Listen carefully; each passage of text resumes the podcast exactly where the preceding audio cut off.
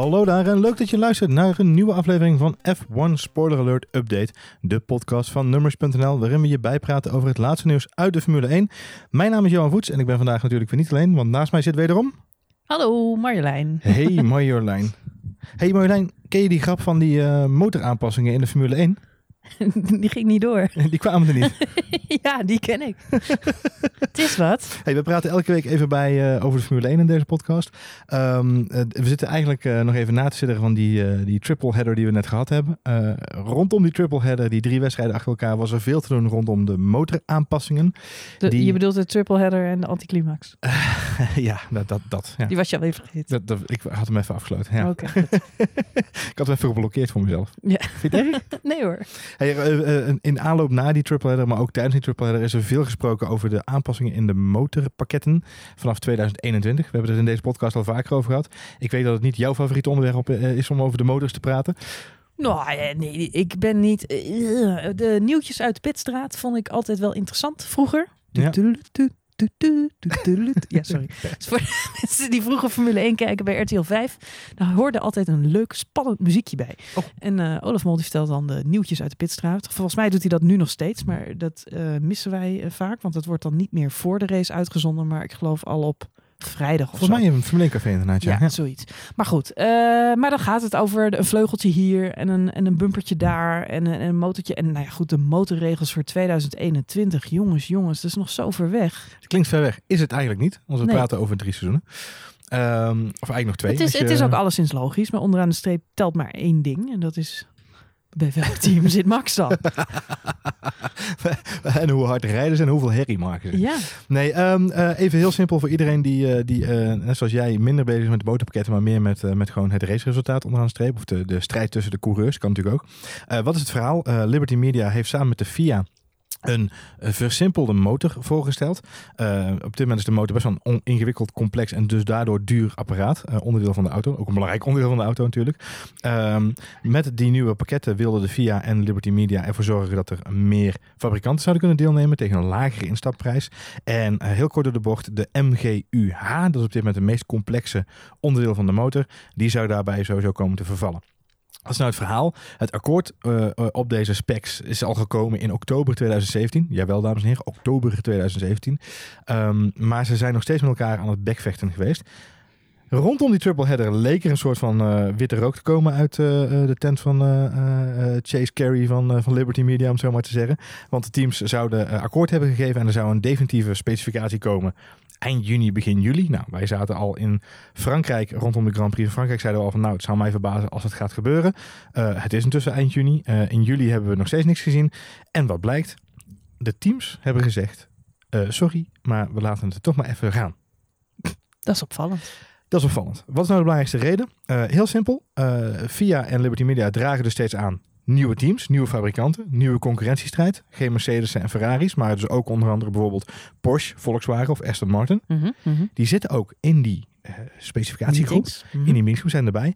Maar die zitten, zoals dat zo mooi zeggen, on the fence. Met andere woorden, ze zitten op het hek, ze luisteren mee, maar ze zeggen eigenlijk niet zo heel veel. Ze zitten op de stoeltjes langs de muur van de boardroom. Ja. Niet aan tafel. Nee, ja, ze, ze luisteren lekker mee inderdaad. Nee. Um, wat Misschien nou bellen ze in. Via FaceTime. Gezellig. Ik weet het niet. Uh, maar het vooralsnog geen uh, reden voor een FaceTime. Want uh, uh, die teams hebben namelijk aangegeven dat ze in 2021 en 2022 nog niet willen toetreden tot de Formule 1. Dus hm. alle liefhebbers van Porsches, het spijt me. Waren natuurlijk veel geruchten dat ze nu eindelijk ook in de sport zouden komen. helaas, gaat niet gebeuren. Um, Aston Martin, hetzelfde verhaal. hebben na aanleiding van de deal met Red Bull en Honda ook gezegd van... joh, wacht nog even. En dus zeggen alle teams nu... luister jongens, allemaal leuk en aardig... maar we hebben dus al gewoon motoren. De teams blijven hetzelfde. Waarom zouden we dan zoveel geld gaan uitgeven aan nieuwe motoren? Dus Aston Martin blijft vooralsnog gewoon petjes sponsor. Ja. Petjes sponsor. Ja, uh, iedereen kan nu een Aston Martin kopen. Een pet. Ja. Een petje. Ja. Nou ja, het, is het, is natuurlijk wel zonde in die zin dat... Uh... Nou, laat me even voorop. Ik maak er een grapje van, maar het is natuurlijk te zot voor woorden. Wat doet Aston Martin op een Red Bull... Mm -hmm. zonder dat ze van plan zijn een motor te willen gaan leveren? En dan zeg jij inderdaad... motor moet... Hè, andere fabrieken die zitten on the fence. Ze luisteren mee. Ja. Wat is er voor nodig om ze dan in de Formule 1 te krijgen? Ik denk dat het belangrijk is voor een, voor een fabrikant om te weten onderaan de streep. Eh, Voor deze fabrikanten, als je het hebt over Volkswagen, ehm, eh, Porsche, eh, Aston Martin, gaat het ze voornamelijk om wat wil je eruit halen uit die sport. Kijk, Audi ehm, eh, is heel groot in de Formule E. We hebben toevallig Mhm, dit, mhm. deze week op Numbers, de column van Koen Vergeer gaat deze week niet over de Formule 1, maar over de Formule E. Mhm. Hij is in Berlijn geweest. Hij heeft daar Lucas de Grassi, de, de, de regerend wereldkampioen, mogen interviewen. Die rijdt voor Audi. En Audi geeft daarin heel keurig aan. Wij zitten in deze sport omdat wij elektrisch rijden. Daar willen we de innovatie uitpakken en doorvoeren in onze consumentenauto. Nou, voor Mercedes eh, geldt dat zij gewoon een innovatief automerk wil zijn. Zij willen learnings uit hun fabrieken willen ze in deze topsport laten zien. Eh, ik denk dat als Aston, ik denk dat Aston Martin geen eh, Vanish, of, eh, sorry, eh, eh, eh, eh, DB9 meer of minder verkoopt, om, omdat ze in de Formule 1 zitten, of niet? Snap je? Nee, onderaan de streep is het gewoon wat geldt voor heel veel sponsoren in de Formule 1. Eh, er zijn een paar hoge pieven binnen het bedrijf die een zakje geld over hebben. Die zeggen, we stoppen het in de Formule 1. Dan krijgen we lekker tickets voor al die races. Leuk. En lekker, eh, kunnen we ze lekker mensen voor uitnodigen. Nou ja, goed dat, eh, dat, ja, goed, dat is natuurlijk logisch. Maar ik vind het niet zo logisch als het bedrijf in kwestie daar niks eh, voor, voor terug doet. Kijk, bij een taakhooier bijvoorbeeld vind ik de deal nog steeds heel logisch. De, het sport draait om tijdmetingen. Hm. Dus de, de, de connectie tussen een, een horlogefabrikant en tijd en leveren en- van tijdsystemen. En dus hebben zij nu hun label geplakt op de motor van Red Bull. Ja. Want die eh, loopt als een klokje. Dat is, bijvoorbeeld. Eh, ik las ook laatst dat eh, Amazon in de Formule 1 stapt. Ja. En dan met name om alle data Ja. te gaan verwerken. Nou, vind ik ook een logische zet. Dat is Amazon Web Services, hè? Dus Ja, dat is de, cloud Services. computing. Dus niet, niet, niet dat ze boeken kunnen gaan Nee. bestellen die dan per drone besteld, Leuk. geleverd Goed worden idee. in de pitstraat. Een razendsnelle drone. Goed, ga verder. Goed. Ehm, maar goed, dat zijn logisch partnerships. Maar Ja. al, die, al die automerken die dus inderdaad, zoals jij zegt, onder fans een beetje mee zitten te luisteren naar alle oude automerken die er dus al wel in zitten, jarenlang. Ehm, maar wat jij net zegt over Audi, ja, ik begrijp het wel. Binnen de auto-industrie leeft op dit moment natuurlijk heel erg de transitie naar elektrisch rijden. Ja. In Nederland moeten in 2030 mogen er geen benzineauto's meer verkocht worden. 2030, dat is best wel snel. Eh, dus ja, het is logisch dat de hele auto-industrie meer naar de Formule E kijkt op dit moment dan de Formule Ja. 1. Het is een beetje hetzelfde dat je op dit moment je kunt afvragen: moet ik nu nog investeren in een benzineauto? Of ga ik toch al over op een hybride model of zelfs volledig elektrisch? Want het zit er wel aan te komen. Dus dezelfde worsteling die wij als consumenten op dit moment al een beetje beginnen te krijgen, Ja. zullen eigenlijk die automerken op dit moment ook hebben. Dus ik verwacht ook niet dat er nu nog nieuwe merken gaan instappen. Ik verwacht echter niet zo heel snel dat eh, eh, ze bij Ferrari zullen zeggen... jongens, we stappen lekker met z'n allen over naar de elektrische Nee, maar dat raceklasse. zijn een stel eh, traditionele sentimentele bastards. Die gaan niet zomaar de Formule 1 verlaten. Alhoewel. Al zeggen ze elke week van wel. Ja, precies. Dat is het verhaal inderdaad. Hey, over eh, sentimentele bastards gesproken. een mooi bruggetje naar onze grote vriend Daniel Ricciardo. dat is ook een sentimentele bas. Nou, hij is, eh, hij is een beetje wars van emoties, heeft hij deze week laten weten. Ehm, we, we hadden het al in de afgelopen Is podcast... er weer een nieuw scharreltje? Nou, ja, precies. Hij heeft weer een nieuw meisje aan de, aan, aan- ter hand gevraagd. Hij heeft om de hand gevraagd van een nieuw meisje, inderdaad. Nee, eh, het is een beetje klaar met de handjes van de meisjes voor, eh, voor Daniel Ricciardo. Want Oh, hij had natuurlijk... hij, was heeft natuurlijk te lang gewacht. hij was flink aan het, aan het Shoppen. shoppen. Is natuurlijk niet gelukt. En nu loopt hij een beetje met de staart tussen de benen rond. letterlijk en figuurlijk. En lijkt het er toch op dat hij deze week gaat bijtekenen bij Red Bull. We hebben het er al vaker over gehad. Ja. Gaat gebeuren. Ehm eh, Horner heeft al gezegd dat het gaat gebeuren. Helmut Marko heeft al gezegd dat het gaat gebeuren. En ook Ricciardo heeft nu laten weten ja, dat de andere twee teams waar hij toch wel interesse in had. eh, wink wink, Ferrari en Mercedes. Dat daar natuurlijk de deuren gesloten lijken te zijn. Ehm, Ferrari lijkt toch te kiezen voor Leclerc. En bij Mercedes lijkt toch Bottas verlengd te gaan worden. Ferrari naast- lijkt te kiezen voor McLaren. Weet jij Nee, meer dan ik? Voor Leclerc, ja. Ja, dat is, dat is het gerucht nu op dit moment eh, op de interwebs. En Kimi doet zo zijn best. Ja, maar Kimi kan gewoon naar McLaren. Gaan we zo nog even over hebben. Oh god. Gaan we zo nog even over hebben. Ehm, eh, eh, maar wat ik wel grappig vond, is dat hij, eh, wat, wat hij heeft gezegd. Want hij blijft een beetje, wat ik al zeg, het blijft een beetje een emotionele onderhandelaar wat het er gaat. Als het niet een van die twee teams kan worden, Mhm. dan is het heel erg moeilijk om me te overtuigen dat ik voor iets anders moet kiezen dan de Red Bull. Zo legt hij het voor zichzelf uit. Ja, ja. Heel goed. En het andere wat hij ja. hij heeft eh, deze week veel gesproken met eh, Christian Horner. Mhm, eh, mhm, De afgelopen weken eigenlijk. mhm. Want hij wilde vooral- voornamelijk ook weten dat de keus voor Honda van Red Bull geen emotionele keus was. Dat ze niet toevallig heel erg boos waren op Renault en daarom maar gewoon voor Honda gekozen hadden. Want dat doe je namelijk als je een miljoenenbedrijf bent. Dat lijkt me over het algemeen wel de grond op basis waarvan miljoenen, miljarden bedrijven beslissingen maken. Ja. Ja, zeker. Gewoon pure emotie. dat maakte de sport zo mooi.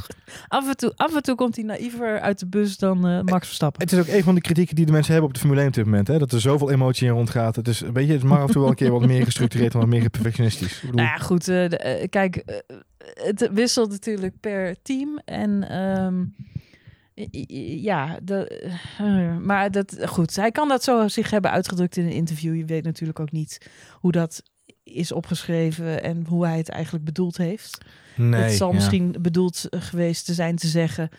eh, ik heb nog even met Christine Horner gesproken om even nog meer te weten over die Honda-deal. Of het bijvoorbeeld niet een emotionele keuze was. Ja, Maar dat is een goede headline. Ja, maar het is een goede headline van doet goed. motorsport.com. En, en doet het goed in deze podcast. Hij ja. doet het heel goed. nou, dat weet ik niet. Maar, maar goed, het is natuurlijk een wanreden. Maar af en toe moeten die sporters ook gewoon iets zeggen tegen de journalisten. Kom op. Nou ja, maar hij heeft, hij heeft iets te verklaren. Hè? Want onderaan de streep, eh, hij heeft in de afgelopen drie, eh, de triple header... Hij doet er wel lang over. Nou, maar hij heeft wel even de, de- hij heeft wel even de klap om zijn oren heen gekregen van zijn jonge teamgenoot. Niet, niet omdat Ja. het Max Verstappen is, hè, maar eventjes de feiten op een rijtje. Drie wedstrijden, Ja. 43 om 22 punten. 43 voor Verstappen, 22 voor Ricciardo. Mhm. En de strijd onderling kwalificatie is nu 7-3, geloof ik. Ja. Dat is heftig. Ja, dat is wel pittig, ja. Dat is geen gemakkelijke positie om even bij Ferrari aan te kloppen en zeggen... Kijk eens, jongens, dit is mijn specsheet van dit jaar. Nee, klopt. Dus ja, dat deurtje blijft natuurlijk van een Nee, en daarna heeft, daarnaast heeft hij natuurlijk ook laten zien, en misschien heeft hij daarmee ook wel een beetje zijn eigen glazen ingegooid, maar eh, de races waarin we Max en Ricciardo met elkaar hebben zien racen, Hm. is natuurlijk heel duidelijk naar voren gekomen dat Max en Ricciardo allebei nummers één in een team willen zijn. Ricciardo is gewoon geen nummer twee bij uitstek. Nee. Eh, hij wil zelf heel graag wereldkampioen worden. En daar worstelt hij mee. En, en le- let's face it, Ferrari en Mercedes zijn op dit moment alleen maar op zoek naar een goede nummer twee. Ja. En Ricciardo is geen goede nummer twee. Nee, nee hij, Die wil zelf. Klopt. En hij heeft ook niet het geduld om te wachten. Kijk, bij, bij, ehm, bij Mercedes geldt heel erg dat je moet wachten totdat Hamilton kiest voor zijn Hollywood carrière. Of zijn modellencarrière, of zijn zangcarrière, of Nou een van die andere carrières. ja, klo- klopt. En eh, wat, wat, wat ik heel veel teruglees, is dat de mensen bij Mercedes en bij Ferrari op dit moment best wel lekker in hun vel zitten, omdat er rust in het team is. Ja. En dat is niet altijd zo. In de tijd dat Rosberg nog bij Mercedes reed, was er echt gewoon een campaangevecht tussen Rosberg en Hamilton gaande. En dat maakt het voor de monteurs lastiger en voor de teambaas en voor wie kies je. Maar hoeveel relatietherapie is er toen doorheen gegaan, denk je? Als je hoort wat er nu af op die boordradio komt. Veel. ja, nou ja, ging, dat ging hard tegen hard. Maar dat maakt de sport voor, voor de kijker veel spannender. De tijd dat Senna en Prost teamgenoten waren. Ik heb het zelf helaas niet nooit meegemaakt. Maar ja, het schijnt legendarisch geweest te zijn. Ja. Dus eh, ja, je wil eigenlijk wel teamgenoten die aan elkaar gewaagd zijn. Eh, dus wat dat betreft eh, doet Ricciardo er zeker goed aan om bij te tekenen bij Red Bull. Ik denk dat hij goede teamgenoot van Max is. Ik denk dat hij veel pech heeft gehad. Staat tegenover dat Max bij tijdwijlen ook drie, vier races achter elkaar pech slash eh, slechte beslissingen heeft. Ja. Dus ja, het kan zomaar weer omdraaien hoor. Zie jij, ehm, eh, want je hebt het over teamgenoten, we hebben het over die balans. Mhm. Als je nou kijkt naar, ehm, stel nou dat Leclerc volgend jaar naar Ferrari zou gaan. Mhm. Dan heb je dus in principe Hamilton Bottas, Mhm. Leclerc Vettel en Verstappen Ricciardo. Of Ricciardo Verstappen. Nou ja, om- denk, je, denk je dan dat er meer strijd komt als er een Honda motor in ligt? De, ik bedoel, afgelopen week in eh, afgelopen race in, in, in, in, op Silverstone was natuurlijk janken met de pet op voor Red Bull. met de motor. Ja, qua snelheid. Ja, klopt. En ook even Pierre Gasly na afloop laten weten Mhm. dat ook de Honda op de rechte stukken daar gewoon een seconde verloor. Ja, ja, ja, het was allemaal drama. Maar goed, wat we voor, we hebben het in een andere podcast al een keer over gehad. Wat heel erg kan gaan helpen in de deal met Honda is dat ze zelf engineers die kant op kunnen sturen. En met de engineers van Honda, en hopelijk zijn dat de alle, allerbeste mensen, eh, samen iets kunnen gaan eh, maken. En Red Bull zal zelf ook wel zo'n idee hebben wat ze precies in die motor willen hebben en hoe dat moet werken en wat eruit moet komen, et cetera. Dus misschien met hun eigen team van mensen eh, krijgen en, en goede communicatie en samenwerking krijgen ze toch eh, iets beters eruit.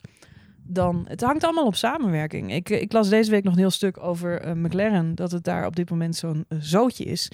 En de directie heeft op dit moment ook min of meer een beetje naar buiten gebracht dat het voor een groot deel te maken heeft dat de bedrijfsstructuur gewoon niet op orde is.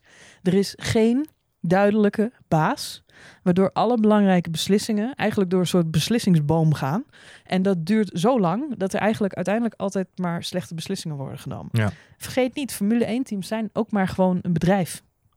En startups. Ja, start-up. Nou ja, start-ups zijn te lang niet meer. Het zijn gerenommeerde bedrijven. Sommigen dan, sommigen dan. Ja, maar hoe mensen met elkaar samenwerken is cruciaal voor het succes van zo'n team. En je hebt het nu, ja, goed over teamgenoten. Ehm, als je eh, volgend jaar eh Räikkönen weghaalt bij Ferrari en je zet Leclerc daar neer. Ik denk dat die keuze, jij zegt net, het zit er dichtbij, maar ik denk dat die keuze voor een groot deel samenhangt met de vraag: wordt Vettel dit jaar wel of geen wereldkampioen? Want? Als Vettel wereldkampioen wordt dit jaar, Ja. dan komt dat voor een groot deel door de, door de rust binnen het team.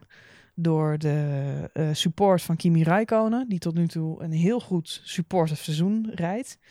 Hij is eh, gedreven en hij zou er graag meer uithalen. Bedoel je daarmee nou dat Tikkie tegen Hamilton afgelopen week eh, is? Of, nee, ik insinueer niks. Oh. Maar hij, eh nou ja, goed, hij, dus, Räikkönen zorgt voor rust in het team. En als je daar Leclerc naast zet, wat doet dat met Vettel? Ja. Gaat Vettel dan een soort mentorrol op zich nemen? Eh, rijdt Leclerc die gast totaal naar huis? Mijn hemel. Dus nou ja, maar er is weer ophef en commotie. Dus ik, ehm, wordt Vettel geen wereldkampioen, dan zou Leclerc wel eens kunnen komen. Wordt Vettel wel wereldkampioen? Misschien wachten ze nog een jaartje en proberen ze in dezelfde Ah, ze samenstelling. niet, Boah, ze kunnen niet wachten met Kimi totdat Vettel zeg maar wereldkampioen is. Kimi zegt contract loopt af. Hij is in principe vrij om te onderhandelen. Ja, nou ja, we zullen het zien. Denk je, denk je dat ze gaan wachten? Nou, ik denk, niet- ik, Ik, weet denk niet of dat Kimi... ze gaan wachten. Ik denk dat het voor een groot deel afhangt wie er dit jaar wereldkampioen wordt. Ik, ik zou juist eerder verwachten dat, dat Leclerc alleen komt als Vettel wel wereldkampioen wordt dit jaar. Ja, dat zou wel kunnen. Omdat Vettel dan misschien de rust en de kalmte heeft om wel ehm, die mentor te zijn die ze nodig hebben. Want we hebben het er vaak over gehad. Ferrari zet geen jong coureurs neer op die plek. Ehm, eh, kiezen ze vaak voor een wat ervaren tweede eh, kapitein, om het zo maar even te zeggen. Dus het zou mij verbazen als ze dan ineens nu wel kiezen voor een jonkie en, en dan niet Vettel vrijmaken om hem daarin te sturen. Maar goed, tijd zal het moeten leren, denk ik. Tijd zal het moeten leren. Hey, Hetzelfde geldt voor Ricciardo. ja, nee, eens. Eh, over Ferrari gesproken en wie daar wel ooit contract had. Eh, wist jij, Mhm, we hadden het er laatst nog over, maar wist jij Mhm. dat Robert Kubica mhm. een contract heeft getekend bij Ferrari Dat las ik van de week. in 2012? Bizar, hè? Ongeveer eh, enkele weken of maanden voordat hij dat eh, nogal noodlottige rally-ongeluk had. Waarbij hij natuurlijk Ja. een deel van zijn linkerhand, volgens mij, rechterhand. Nou, hij is geen deel van zijn hand. Hij is gewoon een paar spieren in zijn arm kwijt. Ja, precies. Maar de- de- heeft hij kan zijn hand niet goed gebruiken. Nee. Dat is eigenlijk meer waar ik heen wilde. Eh, eh, hij, hij kan, hij heeft zeg maar één nog volledig functionele arm en één Mhm. wat minder functionele arm. Daardoor heeft hij ook een ander stuur eh, in zijn auto. Hebben we laatst nog gezien. Kwam voorbij op mhm. motorsport.com. Ehm, maar hij heeft vandaag bekendgemaakt, vandaag is vrijdag, in, een, in een interview met motorsport.com, dat hij dus een contract had getekend bij Ferrari om daar coureur te gaan worden in 2012. Ehm, voordat hij dus net dat ongeluk had. En wat ik grappig vind is, het gaat deze eh, weken veel over eh, Kubica. Mhm. Eh, zelfs zoveel dat de Formule 1 fan community hebben tegenwoordig een heel actief polling systeem. Waarbij ze fans allemaal polls sturen. Van wat vind jij? Wat vind jij hiervan? Wat vind je daarvan? Hoe vond je de race in Frankrijk? Hoe vond je, wat vond je beter in de tv-commercials? En wat moet er anders in de presentatie? En de vraag was, wordt Kubica wereldkampioen? Had Kubica nu wereldkampioen geweest als hij nog had gereden in zijn huidige vorm, zeg maar, van 2012? Mhm, mhm. Waarop de, de score exact 50-50 was. Dus de, de racing community, eh, 50-50 kans Mhm. dat Kubica... Wij, hadden er heel, wij zeiden alle twee van, nou, was nooit gelukt. Eh, maar de, de racing community zegt dus 50-50. Vond ik heel, heel frappant. Eh, maar het ging er deze week heel veel over. En dat, volgens mij heeft dat ook een beetje te maken bij, vanwege de rumoer bij Williams. Eh, ja, dat had met elkaar te maken. En eh Kubica heeft geloof ik ook iets gezegd over ehm, dat veel mensen verwachten dat hij nu in die auto... Het heeft natuurlijk de laatste races een paar keer getest, hè? Klopt. Ja. Dat hij tijdens de vrije trainingen op vrijdag rijdt dus niet Sirotkin, maar dan rijdt soms eh eh, Kubica ineens ja. in de auto. En wat dan opvalt, dat is dat Kubica niet zo heel erg snel is. Nee. Meestal is hij laatst. nou hij- kan dat maar- ook aan de Maar houdt hem wel heel. Houdt hem wel heel, in tegenstelling tot, Tot zijn teamgenoten. Stroll, ja. Precies. Ehm, dus ervaring telt ook ergens voor. Maar hij heeft zich verweerd en in een interview gezegd: Jongens, jullie verwachten allemaal dat ik iedereen naar huis rij. eh, maar ik ben gewoon weer een rookie en ik moet wennen Ja. aan deze auto's. Had je me gevraagd om in 2013, 2014 weer in te stappen, had dat allemaal nog gelukt. Ja. Maar deze auto's zijn zo anders dan de auto waar ik in 2010 mee gereden heb, Tja. dat ik het gewoon compleet opnieuw moet leren. Maar dat betekent niet dat ik het niet kan. Nee. Voegde hij er gelijk aan Dat toe. vond ik een mooie opmerking, ja. Dus eh, met andere woorden, hij ziet in zichzelf nog steeds de potentie om weer super eh, snel te zijn te worden. Maar hij, Hij- moet het wel weer opnieuw leren. Hij wil heel graag die kant op. Hij wordt natuurlijk eh, geholpen door Nico Rosberg nog steeds. In, qua management slash PR. Mhm. Of dat met de, of dat slim is. of dat slim is met de, eerlijke vlogs van Nico Rosberg. Laat even midden. De, Ik zag Nico Rosberg van de week twitteren. Wat was het? Oh ja, Kroatië beats England. How surprising. Geen blad voor de mond, hè? Nee, geen blad voor de mond. Geen en mond. dacht ik, ik ga eens even kijken wat voor comments hij daarop krijgt. Er stonden alleen maar mensen. Oh, gelukkig heb je net zoveel verstand van voetbal als van Formule 1. Duidelijk de wedstrijd niet gezien. Oh, oh, oh, oh, Hou je oh. mond maar. Nee, er waren geen positieve comments. Nee, maar het is, Nico wordt ook wel de eerlijke vlogger genoemd inderdaad, online. Dat is zijn, eh, zijn bijnaam. Hashtag de eerlijke vlogger. Geen Mhm. blad voor de mond. Nee, maar hij wordt, uh, Kubica wordt ook heel erg geholpen door, eh, door, door Rosberg. Hij wil heel graag eh, de Formule 1 in volgend jaar. Ehm, bij Williams is op dit moment gewoon echt eh, eh, een huilen met pet op. Eh, qua management, qua stijl, qua alles erop en eraan. Eh, een van de geruchten eh, rondom het weekend in Silverstone, op Silverstone, sorry, was dat papa Stroll, dus de vader van Lance Stroll, dat is de man met de grote zak met geld. Die zou zelfs overwegen op dit moment om Force India over te kopen. Want Force. India, voor de mensen die dat niet hebben meegekregen, maar de eigenaar van Force India zit met in een cel in India. Ja.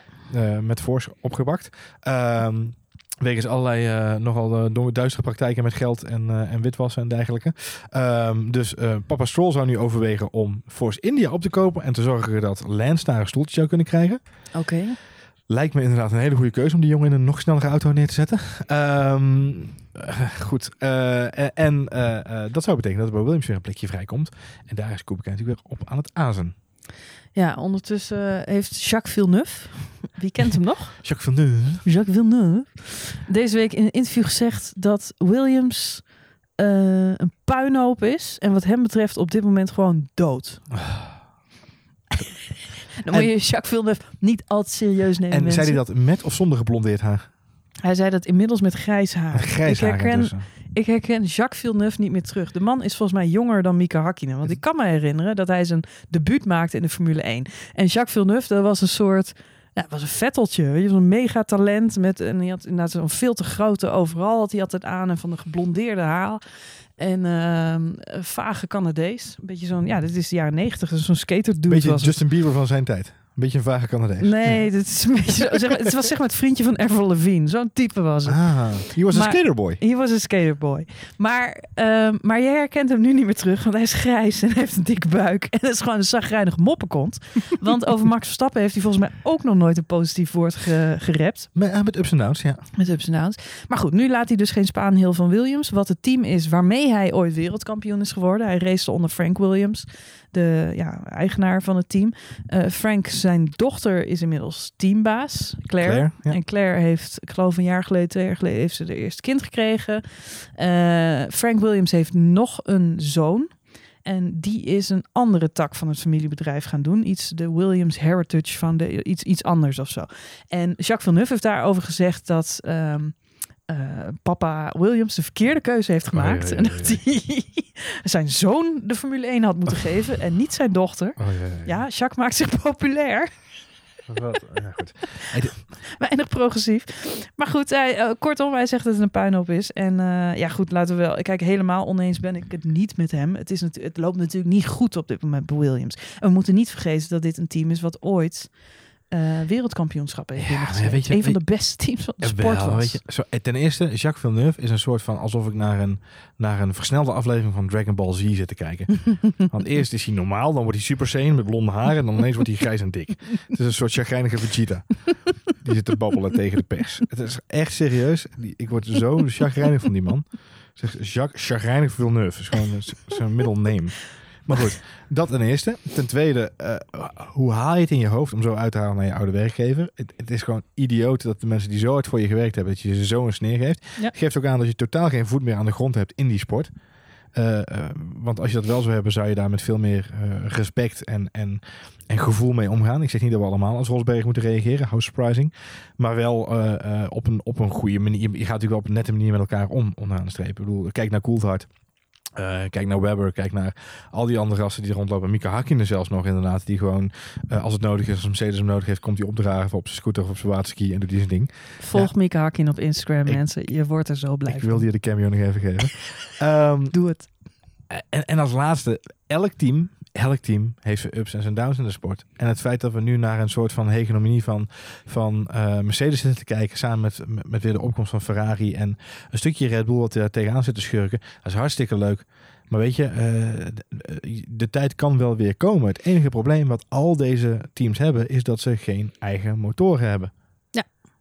Dat, dat is een lastig verhaal. En dat is gewoon een lastig verhaal. Overigens, wat jij nu zo zegt, uh, Mercedes, daar kan het tij zomaar gaan keren. Want deze week werd ook bekend dat ze te maken krijgen met een flinke shuffle in het uh, managementteam. Of liever gezegd, niet het managementteam, maar wel in het team van mensen die aan de wieg heeft gestaan van de huidige motor- en het auto-ontwerp. Er gaan een aantal mensen met pensioen. Niki Lauda? Nee, oh. niet Niki Lauda. Die gaat nooit meer weg. Jammer. Die, uh, die blijft er altijd bij. Ik denk dat serieus in de volgende X-Men film speelt Niki Lauda een rol. Maar dat zijn. ja, maar uh, nee, dus er gaan wat mensen weg. Bij Mercedes heeft Toto Wolff deze week bekendgemaakt. En de, uh, hij verpakt het natuurlijk als een hele positieve boodschap. Het betekent namelijk dat nieuwe talenten en mensen die in hun ja, voetsporen gaan trainen, treden, de kans krijgen om het stokje over te nemen en weer een topteam van Mercedes te maken, slash te behouden. Maar goed, het biedt kansen. Als mensen weggaan, biedt altijd kansen. Zijn ze bij World Online ook? Toen ik het helemaal mis. uh, nieuw talent, ja. Hey, um, volgens mij zijn we er bijna. Ik wil nog één dingetje even met je bespreken. En dat Mhm. is natuurlijk die, die fantastische straatrace in Miami. Het laatste dingetje van vandaag. Mhm. Um, ik vond het wel grappig om daarover te lezen dat... Uh, ten eerste, ik heb de tekening nog een keer gezien van die, van die straatrace. Wat een bizar idee. We kunnen de mensen nu thuis vragen om even het circuit van Miami te tekenen. Pak Nou, even een potlood. Pak even een potlood. Pak even een potlood. Pak even een potlood. Het is een... Uh, Zet een rechte streep van Ja. boven naar beneden op je papier. Maak aan de onderkant een klein hockeystickje. mm, mm, mm. En zet vervolgens vanaf dat hockeystickje een rechte streep weer naar boven. Heel lang. Bovenin doe je nog een paar frummeltjes. Dat is het circuit. Ja, nou, dan ben je al heel eind. Het is serieus. De saaiste baan uit de hele kalender. Ja, plus dat volgens mij iedere Formule 1 coureur die naar zit te kijken denkt... Oké, maar dat is alleen maar rechtdoor rijden. alleen maar rechtdoor rijden. maar. Eh, goed, Eh, misschien met een paar chicaantjes erin. Eh, Miami dus vanaf Maar 2000... wel, me- wel met lens flares. Ik weet zeker dat ze Lens lens flares. flares doen. En de Sunglass Guy. The Shades of Justice. Dat is wel handig, want als er zo'n lang recht stuk is, dan is er veel meer tijd voor allerlei, weet je wel, knipbeelden die erin komen. Ik denk met serieus, we hebben de fancy boten en we mensen hebben- met zonnebrillen en Nou ja, we, hebben recent ook toevallig wat... wat, wat eh, hippe eh, theme song. we- Misschien kunnen ze zo'n Amerikaanse eh, theme song eh, we- writer, zo'n componist vragen om Nee, een speciale theme song voor de Grand Prix van Miami zijn te schrijven. de ronde, ben je klaar. Wow, bam, bam. Hey, maar we hebben de afgelopen race hebben we toevallig ook op via RTL Duitsland gekeken. Weet je, RTL Dat is het. Jij ideaal. zegt het nu, maar het Kunnen is gewoon drie minuten lang gewoon reclame uitzenden op die rechte stuk hoor, bij RTL. ja, Geen dat probleem. sowieso. Und jetzt ein, eine Werbung. ja. Werbung. Oh, ze zijn aan de andere kant van de baan. Ja, Oké, daar zijn we weer. Hey, maar, Maar eh, het is natuurlijk één vooropgezet plan om Mhm. een Mi- CSI Miami aflevering op te kunnen nemen ja, rondom een Formule 1 race. en om Tom Cruise een cameo te geven. Ehm, goed, even terug naar waar, het, eh, waar we vandaan kwamen, Marjolein. Dat is een namelijk Formule 1.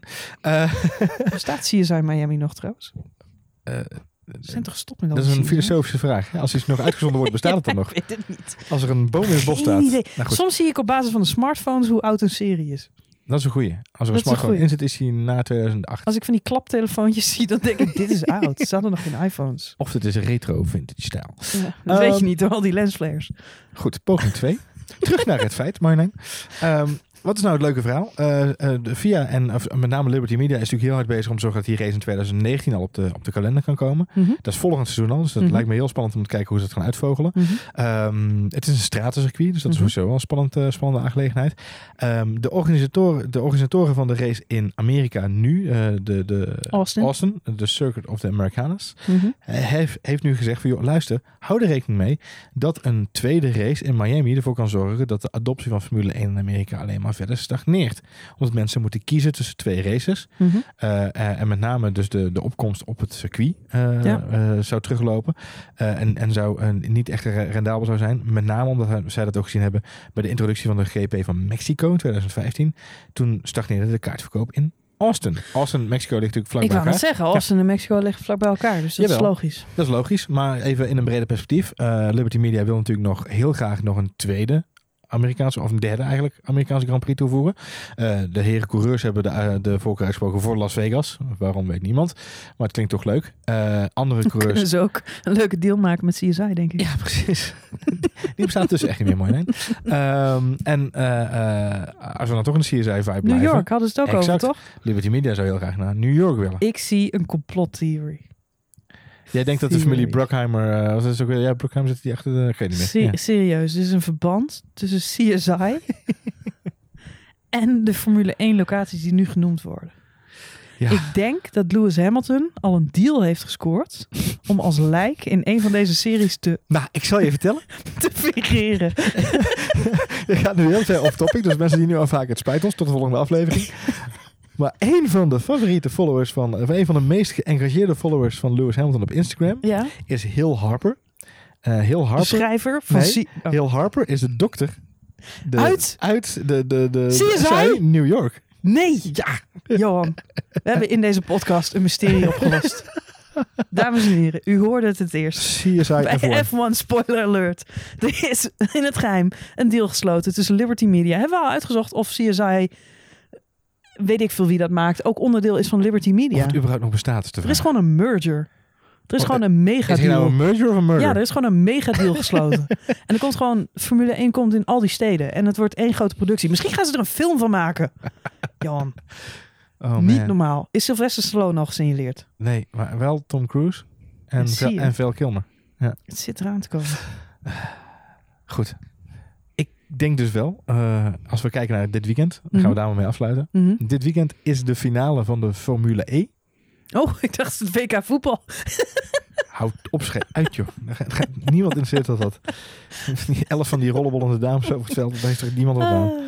Ah, Van die divas die allemaal eh, het kreunen als een ik balletje denk dat kregen. België gaat winnen. Marjolein. ik denk dat België zeker van Engeland gaat winnen op de derde plek. Heb je goed gezien. Goed. Ik zal ook even niet tegen mensen vertellen dat jij gewoon met je Frankrijk sjaal op de bank zit zondag. Nee, ik ben stiekem voor Kroatië. Goed maar ik zit goed in Frankrijk. Dus ik moet wel een beetje Hey, ehm, maar even terug naar, eh, naar eh, dus inderdaad dit weekend. Eh, want dan, eh, dan, je hebt het even over de, de steden van, eh, van Formule 1. Mhm, Eh, New York staat inderdaad heel hoog op het lijstje. mhm. Maar dat lukt al jarenlang niet. Wie is het wel gelukt? De mensen van Formule E. Dit weekend is daar de finale van het Formule E eh, seizoen.